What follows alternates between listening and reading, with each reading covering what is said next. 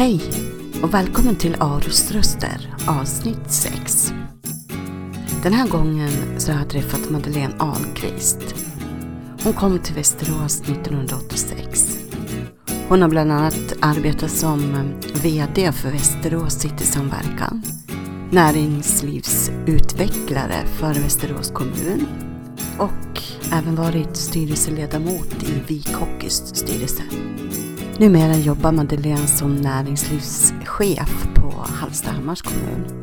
Hon tog kontakt med mig och ville berätta om näthat och hur det har drabbat henne. Hur det kom sig när eh, man rasade mot Pampen, det vill säga Madeleine Ahlqvist, på nätet.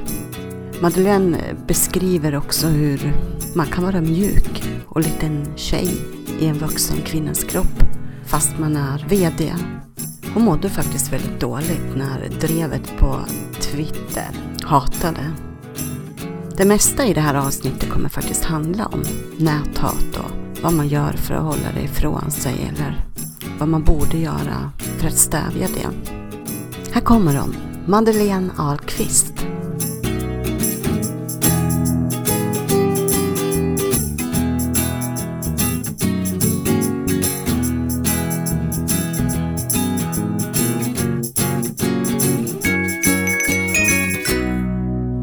Hej Madeleine Ahlqvist.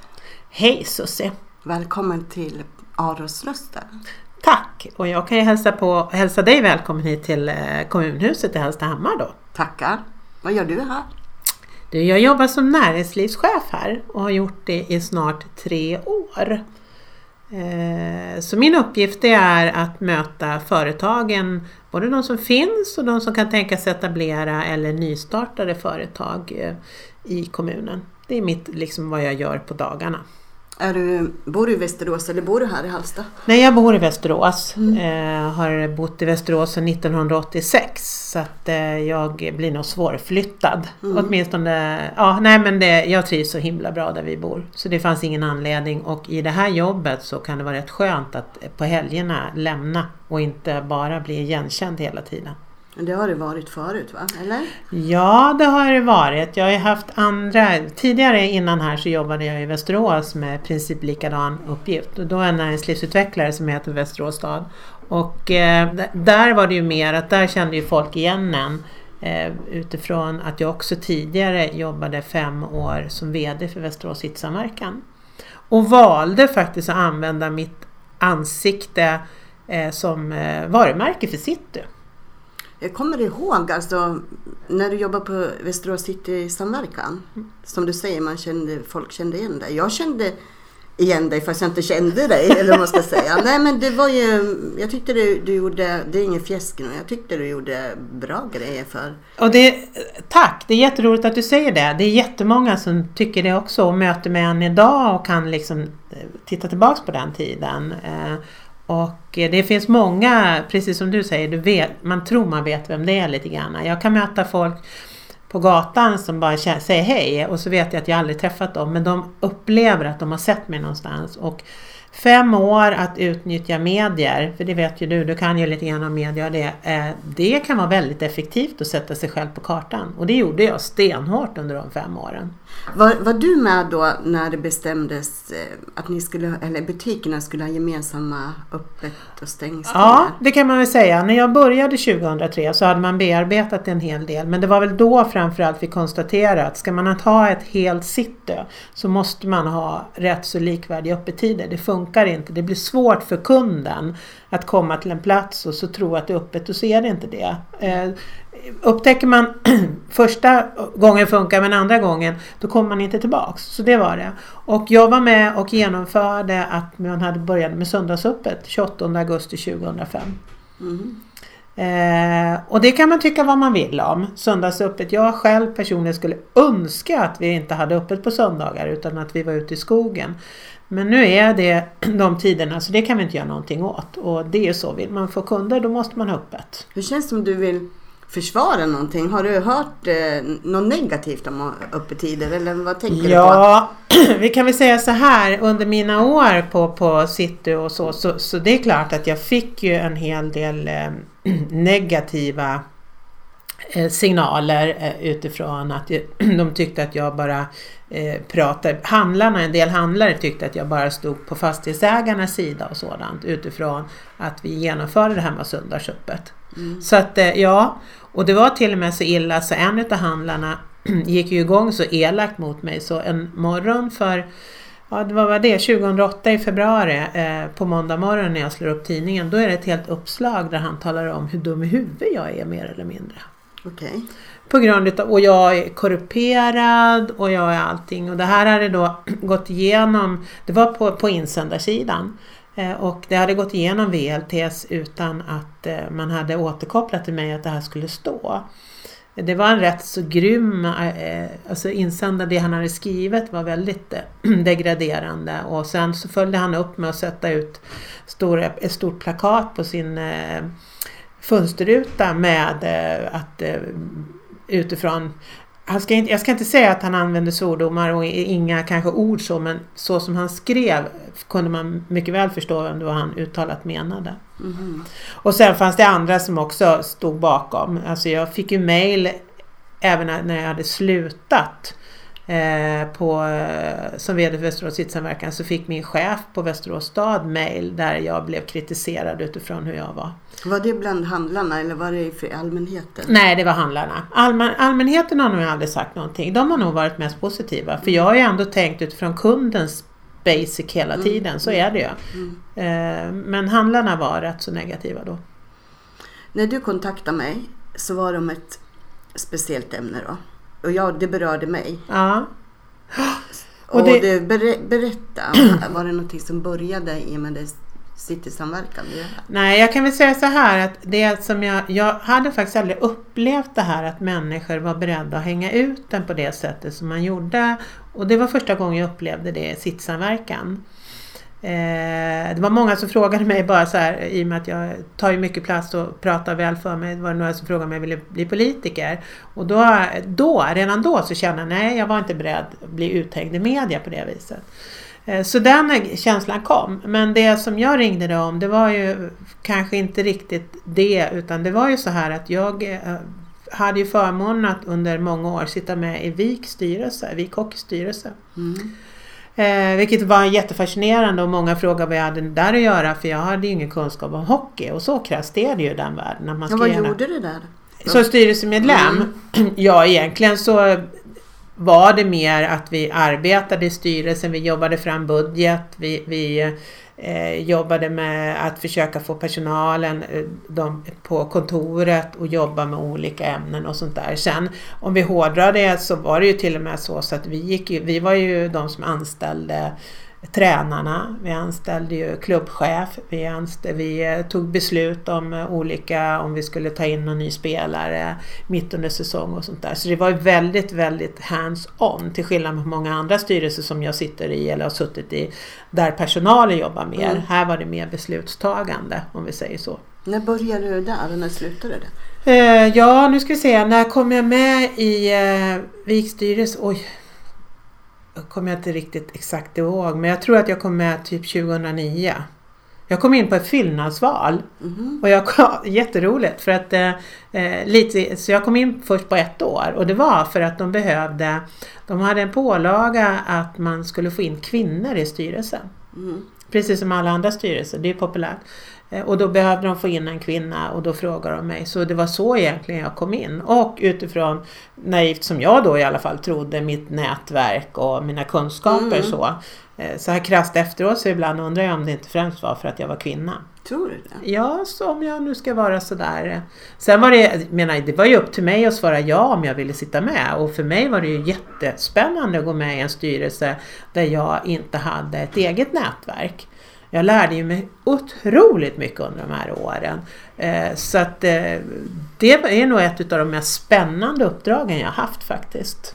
Men eh, med din kompetens och det du hade med dig där. Om en man hade haft det. Mm. Jag vill ändå tro att det inte var någon slags kvotering. Nej, nej, och det tror jag, nej, alltså i och med att jag fick, eh, de frågade mig så var det ju utifrån min tidigare Mm. jobb i Västerås Hitssamverkan och att jag hade också, vilket var viktigt i det läget, jag jobbade inom Västerås stad och hade då naturligtvis kunskap om vem man skulle vända sig till. Mm. Nej, jag tror inte heller det var kvotering, men jag vet ju också att det var så att det fanns ett önskemål ifrån Så är det ju när det gäller alla föreningsstyrelser att man vill få en jämnare könsfördelning. Mm. Men vad var det som hände? Ja, det som hände det var ju det att när, så länge vi spelade bra, så länge laget spelade bra och att vi gjorde bra ifrån oss som klubb och att vi gick med bra resultat och sådär. Då hände ju ingenting. Då var det ju jätteroligt att sitta med. Eller så är det ju. Är flow så är det ju roligt att sitta med med saker. Mm. Men för, eh, nu ska vi se, det blir eh, ett, det blir ungefär eh, ska vi säga, ja, det är nästan två och ett halvt år sedan nu så i samband med att eh, man hade en konferens på ACC så där han som numera är ordförande för Riksidrottsförbundet Jag bara säga Aros Congress inte. Ja, röstkongress, ja precis. Mm, ja, mm. det är så lätt att säga. Eh, Björn Eriksson som före detta rikspolischef. Ja. Han hade precis gjort en utredning om, om huliganism. Mm. Eh, och han var föreläsare på någon, nu kommer jag inte ihåg exakt vad det var för konferens på Aros kongresscenter, men i alla fall där. Och eh, lyssnade på honom och då berättade han just det här eh, om huliganism. Han hade gjort en stor utredning som han gick upp på regeringsnivå. Och då i den här så fanns det en möjlighet att ställa frågor och på slutet och då ställde jag och det var Västmanlands Television var där också, var väl eh, SVT tror jag det var, Mm. nyhetsinslag. Och då ställde jag frågan till honom om, om, om, jag, om han trodde att det möjligtvis var så att det skulle bli en mjukare atmosfär på arenorna runt om i Sverige. Och det spelar ingen roll vilken sport det är, om det skulle vara fler kvinnor. Och det trodde han. Han menar på det att ja, men det är svårare kanske att stå och eh, slänga ut sig könsord om man har sin fru bredvid eller sin flickvän eller något sånt där. Så det var hans uppfattning. Och det här fångade ju då eh, eh, SVT att jag frågade, så efteråt så blev jag intervjuad. Och i den här vevan spelade inte vi jättebra. Det gick inte så jättebra för, för vi hockeylaget då. då. Eh, och det är ju så att när det går dåligt så finns det ju några som tycker att då ska styrelsen avgå, man ska sparka tränare, man ska göra allting. Alltså så är det och det är inget ovanligt. Eh, ingen skillnad på vilken klubb det ens är med. Men i det här läget så spelade vi inte så jättebra. och då gick det bara, det här sändes sedan på kvällen på SVT på nyheterna, den här lokal och helt plötsligt så ser jag mitt Twitterflöde, för jag hade skaffat mig Twitter för att jag tyckte att det var intressant att följa mycket hockeybloggar och sådär, Mm. för att lära mig lite Mm. mer. Varför, var jag styr, varför jobbar jag i den här styrelsen och sådär. Och så helt plötsligt ser jag Twitterflödet att det blev fullständigt rabiat med att jag kunde ju liksom eh, ta dit eh, Carola om jag nu ville ha tjejer på arenan och Eh, alltså det var verkligen sådär negativt att jag hade uttalat mig om att jag trodde på att det skulle vara bra om vi skulle få mer tjejer på, på arenan i samband med matcher och så. Reagerade du då? Eh, då blev jag, jag blev liksom lite bestört för att eh, jag var inte riktigt van med det här. Eh, så mycket gås är jag inte så att det bara rinner av mig utan så jag blev lite upprörd eh, men tog upp det i styrelsen. Men då var det ju liksom kommentar, men du behöver ju inte läsa det då. Så tänkte jag, nej men nej som jag gör det, nej men det är klart, det behöver jag inte läsa då. då. Men ändå så hann jag ju läsa för det sl- slår ju igång liksom. Och sen så gick det väl ett par matcher som spelades och då spelade vi inte heller bra och då kom det bara mer och mer kommentarer runt omkring det här. Nu kommer jag inte ihåg exakt vad de sa men det var väldigt negativt. Var det fortfarande om vad du hade sagt Ja, det var fortfarande, av, ja, det var fortfarande avhängt utav det. Sen lugnade det ner sig för att sen efter jul och så så gick det rätt så bra för oss i laget igen. Så att det rullade på, inga problem. Och då är det så här och så vet man att det är med, med fans och med supportrar och så. När det rullar på då är det lugnt och stilla och så är det ju med all verksamhet. Mm. Eh, och sen så under förra säsongen då, då så fick vi ju ekonomiska problem i, i föreningen. Mm. Utav olika omständigheter som vi gick ut och informerade om då. Ungefär, det är väl snart ett år sedan ungefär. Mm. När vi gick ut, när vi hade ett pressmeddelande och eh, pressträff och så talade vi om det. Och det var ju några må- eller några veckor där som inte var särskilt roligt för oss som satt i styrelsen. För det här var, vi, vi, man kan tycka vad man vill, vi borde haft koll på det här men vi hade inte det. Så var det, det var den krassa verkligheten. Och då började ju Twitterflödet igen.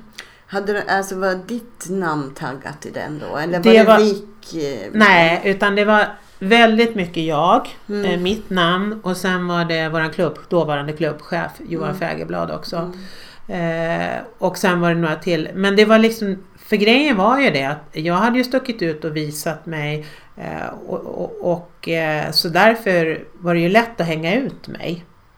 Det som var då ungefär för ett år sedan det var att pengar Vi fick försvann eh, citattecken. Nej, ja, jag ska, nej, så gick det inte till. Utan det, jag ska vara väldigt tydlig. Jag ska säga Mm. så här. Att vi la upp en budget när vi började säsongen. Som vi, vi eh, tyckte var, som var rimlig, som vi hade gjort tidigare. I den budgeten blev det en felprognostisering som följde oss under hela tiden. Slutet på året 2015 så hade vi problem och vi tog ett beslut av att avsluta tränaren. Eh, och, det. och det blir ju alltid en följdverkan på att det blir en ekonomisk, man måste anställa någon ny. Men vi tog, trodde då utifrån våran budget och de prognoserna vi fick att vi hade en viss mängd pengar. Det var bara det att det upptäckte vi förra året då i januari, februari att det stämde ju inte. Utan, så det var ingen som stal några pengar, det var ingen som gjorde något sådant utan det var en helt felaktig prognostisering från vår sida. Eh, som då, så i och med det så trodde vi att vi indirekt, jag kan inte säga exakt om det var en eller vad det var, en miljon mer. Eh, och då gjorde vi ju, tog vi beslut på att ta in människor och, och spelare och, och ny personal och det. Men fortfarande hade kvar våra gamla kostnader. Eh, vilket gjorde att det här blev ju gånger två. Så det, det ökade ju. Så är det ju med pengar. Om det väl börjar gå minus, då går det minus mycket fortare än vad det går plus. Sen är det så här, och det kan ingen ta ifrån oss i styrelsen, att vi borde haft kontroll på det här. Så vi, absolut, så är det. Vi, vi, det var vårt ansvar. Eh, och därmed att det var vårt ansvar så tog vi också ett beslut av att begära om att få en rekonstruktion som pågick då under förra året. Och vill man perioden. veta mer om all den här turerna så kan man googla på det. För att det här är nu inte Madeleine här för att berätta verksamhetsbeskrivningar hit och dit. Och, Nej, tack. nej, nej. Utan, utan det var liksom egentligen vad som hände. Det blev näthat. Ja, runt omkring det så blev det ett förskräckligt näthat. Och då var det väldigt mycket. Det var jag som blev utsatt och det var Johan Fägerblad. Och det kanske var så att det var vi som hade Twitterkonto. Det är ju faktiskt det är ingen idé att skriva någonting negativt om någon om inte den personen får veta det. Det har jag ju lärt mig vid det här Mm. laget. Och de andra i, i styrelsen hade inte den här typen utav konto. Ja, för då såg inte de heller Nej, de här nej. kommentarerna. Och då var det ju ingen idé. nej. Däremot när det började på det här viset så tog jag upp det väldigt tydligt i styrelsen och sa det att jag tycker inte det här är okej. Jag tycker att vi behöver gå ut och informera om att man, det, det är inte okej.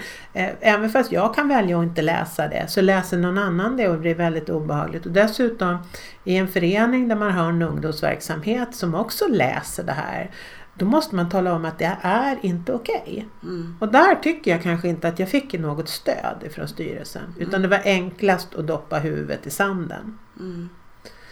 Sen så, och det här kom ju med jämna mellanrum. Jag valde att inte läsa så mycket på mitt Twitterkonto. Ska vi säga. Sen eh, under den här perioden så fyllde min man jämnt. Så vi hade beslutat att vi skulle åka till Thailand på 14 dagar.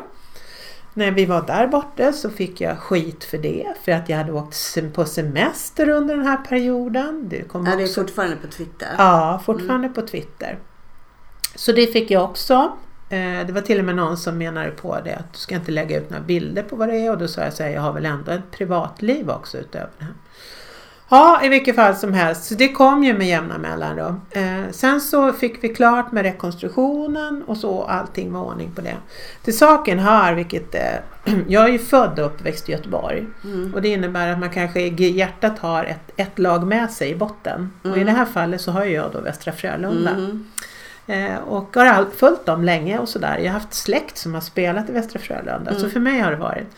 Eh, de var ju med och gick och vann hela eh, SHL förra Mm. året. Och det var på en söndag de vann och då jag vet inte, jag var säkert rätt så less och det, så här efteråt var det väl inte så himla smart. Men då tyckte jag det var så roligt för de hade inte vunnit på många år så jag bytte min profilbild på Facebook till deras en Expressen-bild alltså på att Ja, de hade ja. vunnit. Ja, men det var ju min Facebook och jag har ju varit noga med att jag har ju liksom bara vänner där. Jag plockar ju bort när jag känner att de här Ja. passar inte mig. Eh, ja, så det gjorde jag på söndagen. Och sen på måndagen igen så märkte jag att flödet, det hände någonting. För jag fick via min mail information att det hände någonting. På Twitter. På Twitter igen. Där är det andra landat då, liksom när det ja. landas. Ja. Och sen på tisdag morgon när jag sitter på väg upp till Fagersta i bilen, då ringer det en kille så säger han, nu kommer jag inte ihåg namn. Hej, jag heter det och det, jag ringer från Expressen. Och utifrån mitt jobb så får jag ju ibland förfrågningar om reklam och sånt där, annonser. Så jag trodde det var någon säljare. Så. Men det visade sig att det inte var, utan det var ju en reporter, en webbreporter då, som skrev på webben. Som helt plötsligt talar om för mig, hej, eh, ja vi har förstått att eh, du har bytt profilbild på din Facebook och folk inte tycker om det. Så eh, jag undrar vad du tycker om det? Och du vet, jag hade ju ingen aning. Så jag bara, eh, Vadå? Vi vill höra vad du tycker om det. ja, Att folk reagerar på att du har bytt profilbild. ja, På din privata Facebook. ja. Okej. Mm. Eh, och jag bara, ja, det, det tänker inte jag uttala mig om sa jag utan jag eh, får, det är faktiskt mitt privata och jag har haft det här laget i mitt hjärta sedan jag föddes så det är ingenting. Ja, nej, nej, sa han då och så la han på. Och så eh, åkte jag på det här mötet och så går det väl kanske bara en halvtimme då får jag ett besked från min man som skickar ett sms och säger så här, gå in på Expressen och läs. Du blev citerad. Ja, jag blev citerad och med bild utlagd Pampen från Västerås. Nej. Jo, så det kan man också om man känner för det kan man gå in på Expressen och söka Madeleine Ahlqvist så kan man hitta den artikeln också. En pamp. Nej, en pamp. Ja, ja. pampen. Och då, ja, eller hur, eller hur, det är helt. Och det vart ju så fascinerande. Så vilket fall som helst, och det här tog faktiskt hårdast utav allt. Jag kände, nej men fan nu är jag uthängd. Riktigt uthängd. Nu liksom blev det inte bara Twitterflöde utan nu blev Ja, och då visar det sig att eh, det finns en eh, Mr Madhawk heter han, en kille nere i Malmö som är, en bloggare inom hockey. Mr Madhoop. Ja, Ah, Mr okej. Madhawk. Mm. Ja. Eh, det visade sig att det var han som hade skrivit om det först. Det var på så vis Expressen hade sett det. Men hur hade, hur hade han Ja, sett? då är det så här att någon utav mina Facebooksvänner ehm, har alltså på något sätt gillat min bild eller fördelat, informerat honom eller någonting. Så på fredagen efter och på samma vecka då kände jag, då hade jag liksom bara, nej men nu måste jag faktiskt ringa till den här Mr Madhawk. Så jag ringde honom. Och han blev rätt så förvånad att jag ringde upp honom. Och jag sa så här, är du medveten om att det är människor utav kött och blod som det hänger ut? För den var inte rolig den eh, bloggen den heller. Vad stod det då? Ja, det var ju just det där hur jag överhuvudtaget kunde byta en sån bild och var jag inte förskräcklig mot Vik och jag var, ja sådär. Han, hade väl, han skrev väl med schyssta ord och så men det var liksom att jag hade bytt profilbild. Det var det värsta man kunde göra. Då var man inte lojal sitt lag under dessa, denna svåra tid med ekonomiska bekymmer. Så det var det. Jaha, är det här, den här Mr Madhook, är han privatperson? Ja, fast han är rätt så stor. Det är många som lyssnar på honom. Alltså det är en sån här som tid. Jag tror han tjänar bra med pengar på den här bloggen. Mm. Han sitter nere i Malmö och bloggar om allt. Mm. Men jag ringde honom i vilket fall som helst. För jag tänkte jag måste kolla vem fan det är som vågar skriva sådant. Så jag Mm. ringer honom och då säger han så ja jo men eh, jag tycker det, det är fel att man gör på det viset och det får du bara stå ut med. Men vi hade ett väldigt bra samtal. Och så informerade jag honom och så sa jag så här, utöver det här vet du att jag, för han hade ju sett Twitterflödet. Han hade ju sett det här. Han sa, ja men jag förstår att du har blivit, och det sa ju han på Expressen också, vi har ju sett att du blir rätt uthängd just nu, hur känner du för det? Mm. Och vad svarar man på det? Mm. Så vi hade ett jättebra samtal och då informerade jag honom att är du medveten om att när jag tyckte att det skulle vara mer kvinnor på läktaren då blev jag uthängd via Twitter. Är du medveten om att jag åkte på semester? Eh, då blev jag uthängd. Då säger han så här, ja jag såg att du blev uthängd när du åkte på semester, sa han. Men det tyckte jag inte var viktigt att skriva om. Men vad, varför har han koll på dig? Eller hade han det? Ja, det hade han för att han följer då Twitterflödet för han eh, följer på de som liksom är supportrar runt. Han sitter säkert och tittar runt alla lag i hela just det. Sverige. Och Så det är ingen är det skillnad. något avvikande så Ja, skriver så han om skriver det. han om det. Ja. Är det något bra som bara flyter på då är det inget att skriva Nej, kanske. Nej, nej, nej, men jag förstår. Ja. Så, att, eh, så jag informerade honom och då sa jag det att det- är inte lätt att... eh, För i det här läget så jag måste nog säga så här att jag min upplevelse, sen om den är rätt eller fel, min upplevelse är att jag fick mer skit under den här perioden på grund av att jag var kvinna. Mm. Och, och det kan jag bara, det, det, den känslan kan ingen ta ifrån mig. Sen om den är rätt eller fel, det vet jag inte. Ja, men, det, det- kan det- ingen ta ifrån mig. Det. Så det kan inte vara fel. Men vad är det du tar det på då? Nej men det är ju för att de andra eh, männen eller mina kollegor, nu hade vi, vi hade en kvinnlig ordförande också, hon blev också väldigt uthängd det här året när det var väldigt eh, mycket runt ekonomi. Vilket är all, jag förstår, eh, jag, nej jag köper inte. Men jag kan förstå att hon även åkte med på resan om vi säger så. Eh, så hon blev ju också väldigt uthängd på grund av det här. Men jag upplevde att det var vi två plus våran klubbordförande som blev det. Vi var ju flera. Vi hade till exempel Niklas Lidström satt med styrelsen. Det Ja. var väl ingen som vågade skriva något negativt om honom. Nej.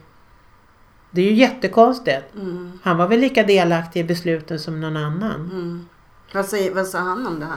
Nej, han säger inte så mycket. Niklas är en otroligt ödmjuk person. Nej men så- att ni blev utsatta. Nej men alltså återigen, det var ju liksom när jag tog upp det på styrelsemötet då var det så här, men du får, du får sluta läsa. Okej. Och jag tror inte han sa något speciellt om Nej, det här. nej. Men det är mer ett exempel. Alltså ikoner, de hänger man inte ut men, men, men i det fallet Ja, som jag upplevde då en kärring som det kanske fanns i vissa Twitterflöden. Då, liksom, då är det enklare. Var det någon eh, på Twitter som var offentlig eller dolde de sig? Trollade de som man säger? Eh, nej men de var nog rätt så offentliga. Eh, Alltså vissa av de här är väl inte de vassaste knivarna om jag nu får vara elak. Eh, så. Mm. Eh, så nej, de, de är där, kanske en eloge till dem. De är, vågar faktiskt vis- visa sin rätta bild och sånt där. Mm. Så det står, nej men de står nog väldigt mycket för det de tycker. Och det tycker jag, det är väl bra. Tänk om det var något, du vet, anonyma konton. Och... Nej, inte vad jag känner till. Nej, Nej. jag tror inte jag var på den nivån. Då får man Mm. nog komma högre upp i, i, i hierarkin när det gäller uppe på SHL och det. Det tror jag. Men inte, nej det tror jag inte. Hur blev det? Hur kände du dig efter Jag var, under tiden? Och... Nej men det är klart att jag mådde jättedåligt över det här. Det spelar ingen roll och det, det satt ju kvar länge och jag menar, oron för att bara för föreningen och, och det som hade hänt, den fanns ju och ville verkligen lösa det. Nu fick vi ju i, i juni förra året, vi fick ju eh, vi fick ansvarsfrihet eh, och så. Så att eh, det löste ju sig allting och det var jättebra. Vi jobbade eh, jobbade mycket med det och vi hade några som var fantastiska i styrelsen som jobbade med att lösa det hela. Så det är en jätteeloge.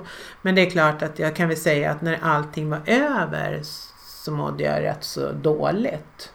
Till saken hörde att sen när säsongen drog igång nu för den här säsongen så spelade laget inte särskilt bra och då var inte jag någon del i för att vi ställde ju våra platser till förfogande direkt och, Mm. och sådär. Det var inget ens att tänka på. Eh, men när laget inte spelade bra då började du igen på Twitterflödet till mig. Att eh, ungefär, jaha, tack för det som ni har fixat, att ni har förstört vår förening och sånt där. Och så blev jag uthängd igen. Men då tog jag faktiskt kontakt med styrelsen igen med VIK. Det är en ny styrelse nu. Och då ordförande där eh, gjorde jättebra. Så då sa han det, nej men vi ska träffa supportergruppen så att jag tar med mig det. Och sen har det inte varit något mer. Men när det kom igen då, då, då kände jag att det var inget roligt. Då, då liksom, för då, då öppnar ju liksom sår som inte har läkt riktigt Mm. ännu. Jag är ändå liksom eh, en rätt... Eh, jag tror många uppfattar mig som kaxig och kanske lite så men jag är ju lika mjuk och skör som en vetebulle som alla andra inuti. Mm. Om inte du hade varit på den här konferensen där Björn Eriksson var, där någon ställde frågan om kvinnor i publiken. Tror du att du hade blivit hatad i alla fall då på nätet? Nej, inte, nej faktiskt inte, inte på det sättet. För då var jag ju fortfarande, alltså de fick ju en ide- identitet, en person. Jag Mm. uppfattar ibland att vi människor gillar när vi hittar en, en person att lägga vår aggression mot. Och egentligen blev ju aggressionen mot mig var ju egentligen riktad mot hela, hela laget så att säga. Men det var så enkelt att hänga ut mig. Sen tror jag det som hände under föregående år när vi hade problem med ekonomin och det. Ja, det kunde kanske, jag vet inte. Eh, det var ju vid något tillfälle också när det var direktsändning när P4 Västmanland hade och jag och Kurre Lundmark pratade inför en match. det jag sa där också, det fick jag ju också negativt. Så att det var något som startade. Sam ja, alltså jag drog igång någon, en, skapade någon buld hos några i den vevan när jag sa att jag tyckte att det kunde vara bra med fler kvinnor. Och sen blev det på något sätt enkelt för dem att, att använda mig som en slagpåse. Igen? Ja. Och de skulle nog kunna göra det igen, igen, tror jag. Men i de här kommentarerna på Twitter, vad var det som sårade dig mest? Ja, alltså för det första är det aldrig kul att få liksom att man står att man är dum i huvudet och, och, och sådana bitar. Utan eh, kan ni, jag, jag har ju förmånen ibland att, att eh, det som har varit som sårar mig det försöker jag glömma så fort som möjligt. Så det är lite svårt för mig att sitta här och säga. Utan det som kanske sårade mig mest det var ju den här det här som bara blev ett okej okay runt omkring det hela. Att, att liksom, när jag stod och talade om att jag mår inte bra för det här, då skulle jag bara liksom skita i att läsa. Alltså jag tycker mm. föreningen inte vågade ta tag i det på ett sätt som jag tyckte var relevant. För jag tror ju någonstans att om man ger rätt signaler till ungdomarna så förstår de att det här inte var okej. Okay. Jag menar det här är inget ämne eh, Näthat, det pratar man ju nästan varenda dag om. Mm. Och ändå så fortsätter det. Hur skulle man ha gjort då, tycker du?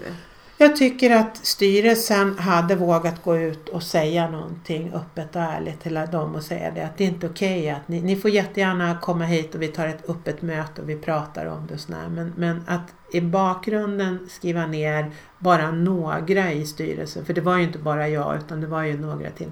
Det är inte okej. Okay. Mm. Eh, jag tycker inte, och, och, och, där, är ju, där är vi ju flata överhuvudtaget, alltså hela samhället. Vi accepterar saker.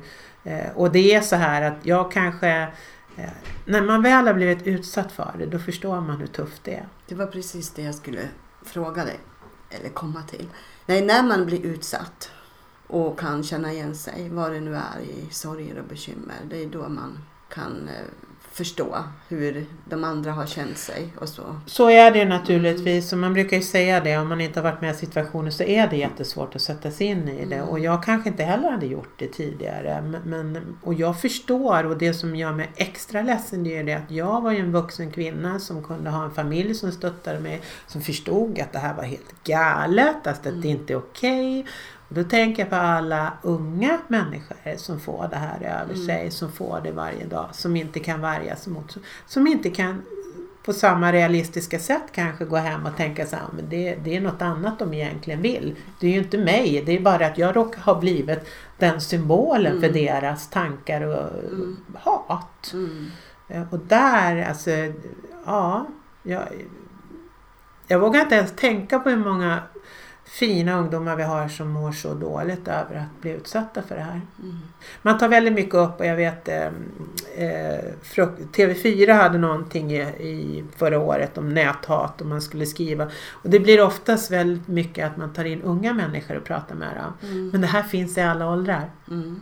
Det är ingen skillnad. Nej. Och man känner likadant. Man är lik, jag är li, lika mycket liten flicka i vissa situationer som de är.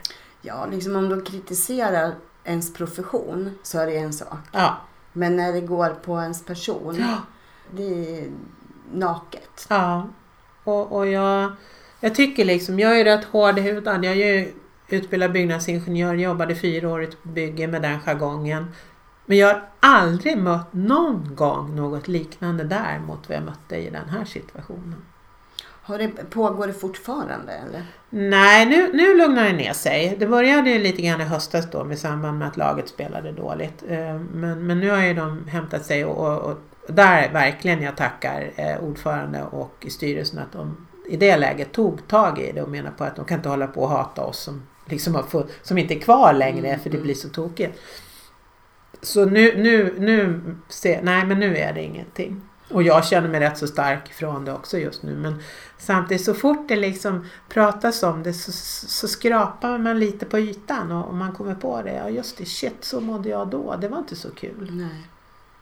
Ja, nu är du här och nu eh, i, som näringslivschef. Fast det var du då också va? När du var satt som i styrelsen? Ja, jag jobbar som, eh, ja precis, både näringslivsutvecklare och sen näringslivschef här i Ja. Hallstahammar. Eh, Så är det. Och det, alltså man vet ju det och man väljer själv när man går in i sådana här jobb där man är väldigt offentlig och även när jag jobbar på City då, då, då vet man om att det kan bli så att folk tycker om en och det, det kan jag köpa, okej alltså, men, men det får inte bli att man Alltså det, vi, vi kommer, det kommer ingen som vill bli den här typen utav, ta de här typen av jobb och det om man ska bli så utsatt. För att Mm. man tar med sig det och det är eh, det, så hårdhudad kan man aldrig bli så man inte bara liksom det sköljer av en utan det är verkligen så. Men det tycker jag känns skönt att höra en, en pamp som du. Nej, nej, nej men, men en chef och v, Ja. en VD för City Samverkan. Att, att liksom, ja du har skinn på näsan och du är tuff säger du och du är kaxig. Men du säger också, men jag vill inte ha det så här. Och så nästa steg säger du, andra som vill arbeta med det här kanske inte vågar om de blir utsatta för det här hatet. Styrka sådär, det är ju inget som man föds med. Det får man ju liksom lära sig att hantera. Men, men det är som jag brukar skoja säga hemma. Jag är en, återigen en liten flicka ibland i en, en, en kvinnas kropp som, som absolut får lära mig och, och det som kanske gör att jag ibland vågar också bli kaxig och, och lite vågar uttrycka mig det för att jag någonstans tror att jag kan bana väg för andra både kvinnor och män när det gäller Mm. att våga ta sådana här platser och det. Men, men när det blir liksom personangrupp och det, nej, det, det, jag kommer aldrig acceptera det. Men det är inte vanligt att, att en eh, ja, för detta VD eller chef säger att jag vill inte höra sånt här. Jag är också liten. Utan då vill man gärna ha kvar sin Ja, den här att- eller hur? Jag tycker Ja. det är jätteskönt Ja. att du säger så här. Ja, för det, alltså, det, ja, nej men jag tycker inte det är okej. Det, det, vi, vi, alltså, vi, alla människor är kött utav blod och man har känslor och de känslorna måste man få behålla. Jag, jag vill påstå att min styrka är att jag faktiskt vågar tala om att det är fel saker och att jag vågar blotta mig och att jag, som jag skämsamt säger här till mina kollegor ibland, jag undrar när de kommer på att jag inte kan någonting för det tror jag vi alla sitter Ja, det gör vi alla. Va? Att man är någon jävla hovnarr. Vad bjällan. Man bara skrattar ut härifrån. Kan? Så, så tror jag. Och det, och det, om du skulle göra en sån här podd med Johan Söderström på ABB eller om du skulle prata med någon annan. Så alla går ju runt med den här för att det blir, vi klär ju oss i roller. Mm. Så fort vi kliver in här genom dörren så tar man på sig en roll eller man är olika sådär. Man, och så är det och det är ett sätt att överleva också. Nej men jag önskar verkligen att folk kunde förstå att det här att, att eh, fronta mig direkt då, skrik i ansiktet på mig, tala om att jag är dum i huvudet. Men gör det face mot face. Var inte fega liksom och gå bakvägen och skriva någonting. För, för det, nu har inte jag frontat de här personerna, inte på det sättet i alla fall. Eh, men jag är helt övertygad att jag tror inte de skulle våga göra det inför, ra, rakt framför mig. Nej, det tror jag inte. Nej. Hade du Twitterkonto när du jobbade på City Samverkan? Nej, det tror jag knappt Twitter var uppfannet. Nej, men- nej, men det hade jag inte då. Och det kanske hade, det- det vet man ju inte. Alltså så var det ju. Då, då fick jag en chock när jag slog upp liksom VLT och, och det stod allting. Och, Mm. och grejen är, egentligen kanske det är så här om vi tittar på allt sånt här flöde och all media och allting. Eh, Det kanske är så att det värsta är att man vet att andra har läst det också. Mm. Eh, man kanske, om, om man liksom helt säkrar sig om man får ett mail. Nu får jag inga här och jag fick i Västerås men det var fortfarande eh, efterdyningar från mitt jobb på City då. då. Men, men då i det läget så då kan man ju liksom slänga bort det och så är det ingen annan som har sett det. Mm. Men det här när det kommer ut i det sociala mediet och alla kan se det. Mm.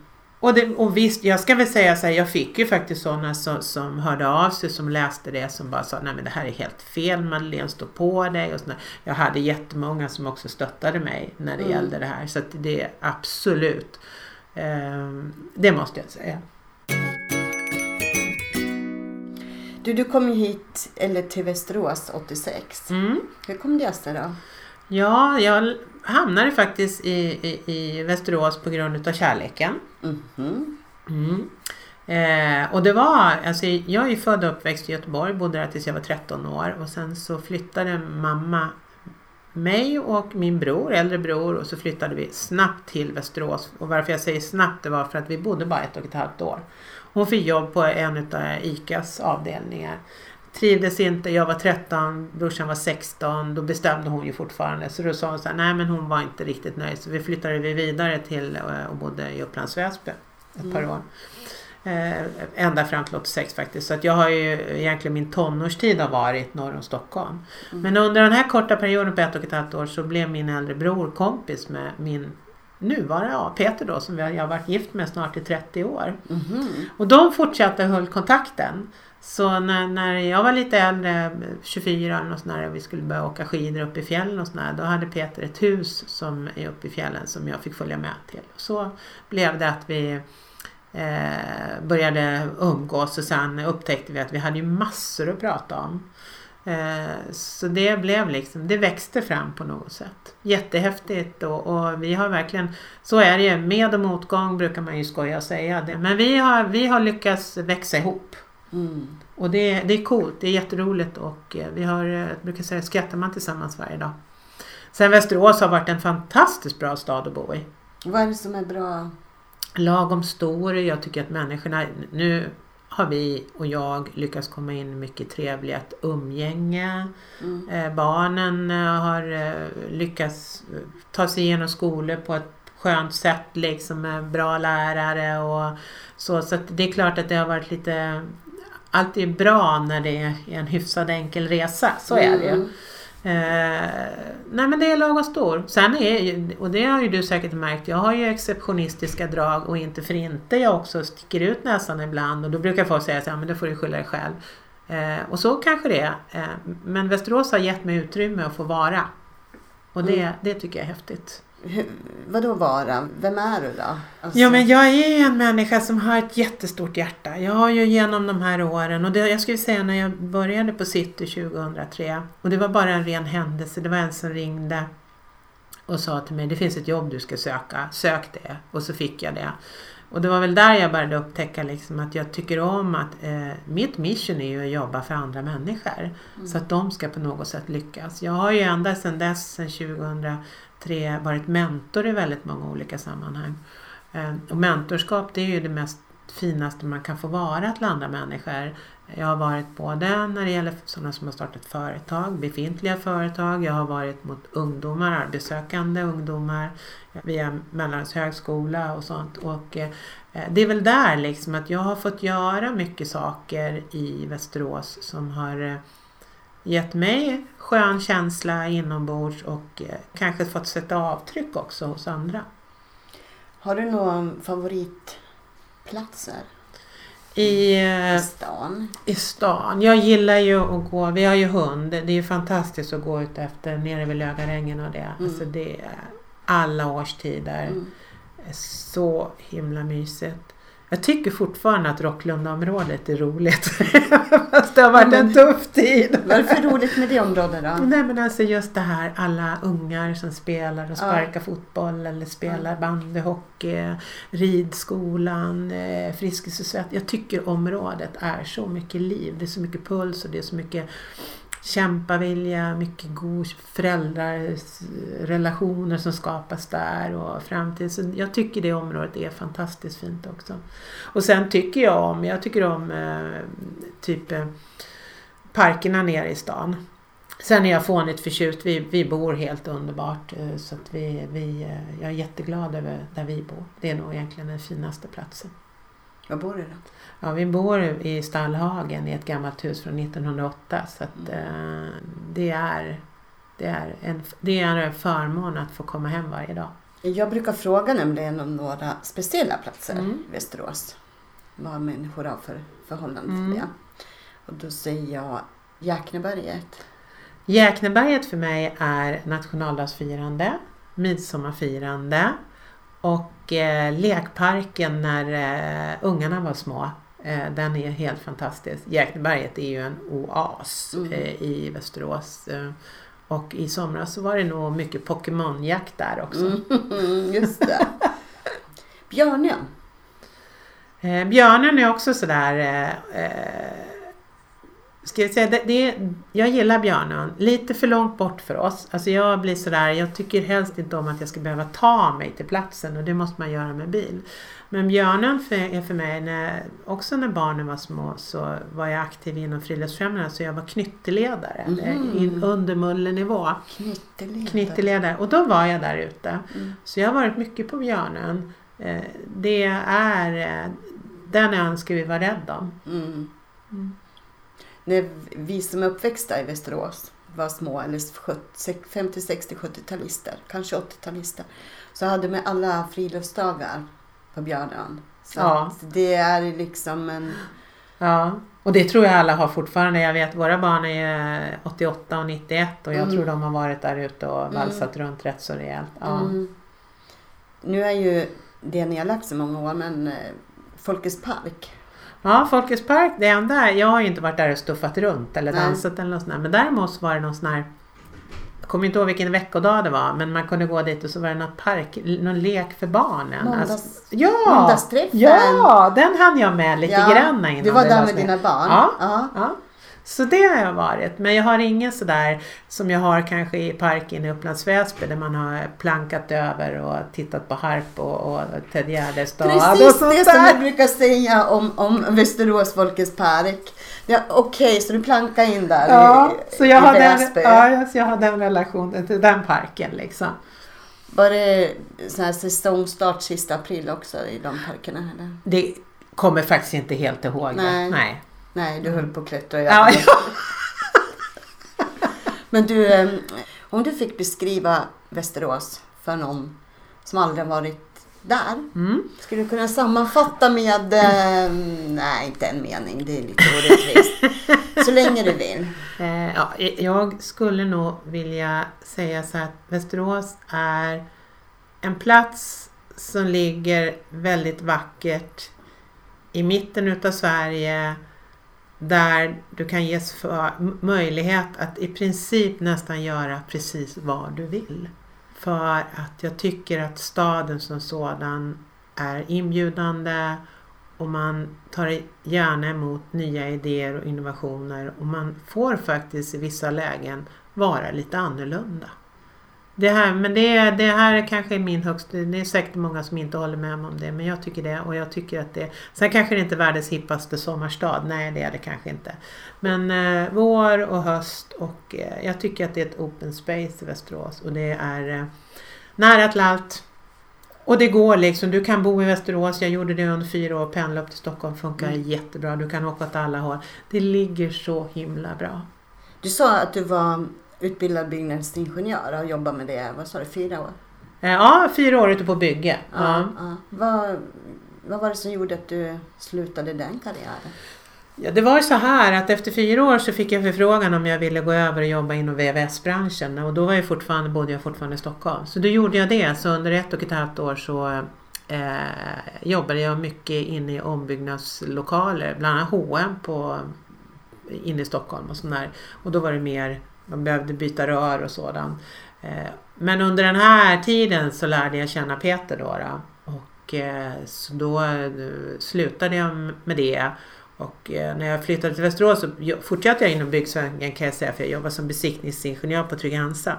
Men efter vi hade fått våra barn 91 då och skulle ut i verkligheten igen och börja jobba då var byggbranschen tom. Det fanns inget byggbransch så därför så jag har många gånger funderat på att gå tillbaks för det är så roligt att gå till jobbet och gå hem samma dag och se att det har hänt något. Där liksom ser man att det händer saker. Det är konkret. Ja, det är konkret och jag älskar sånt.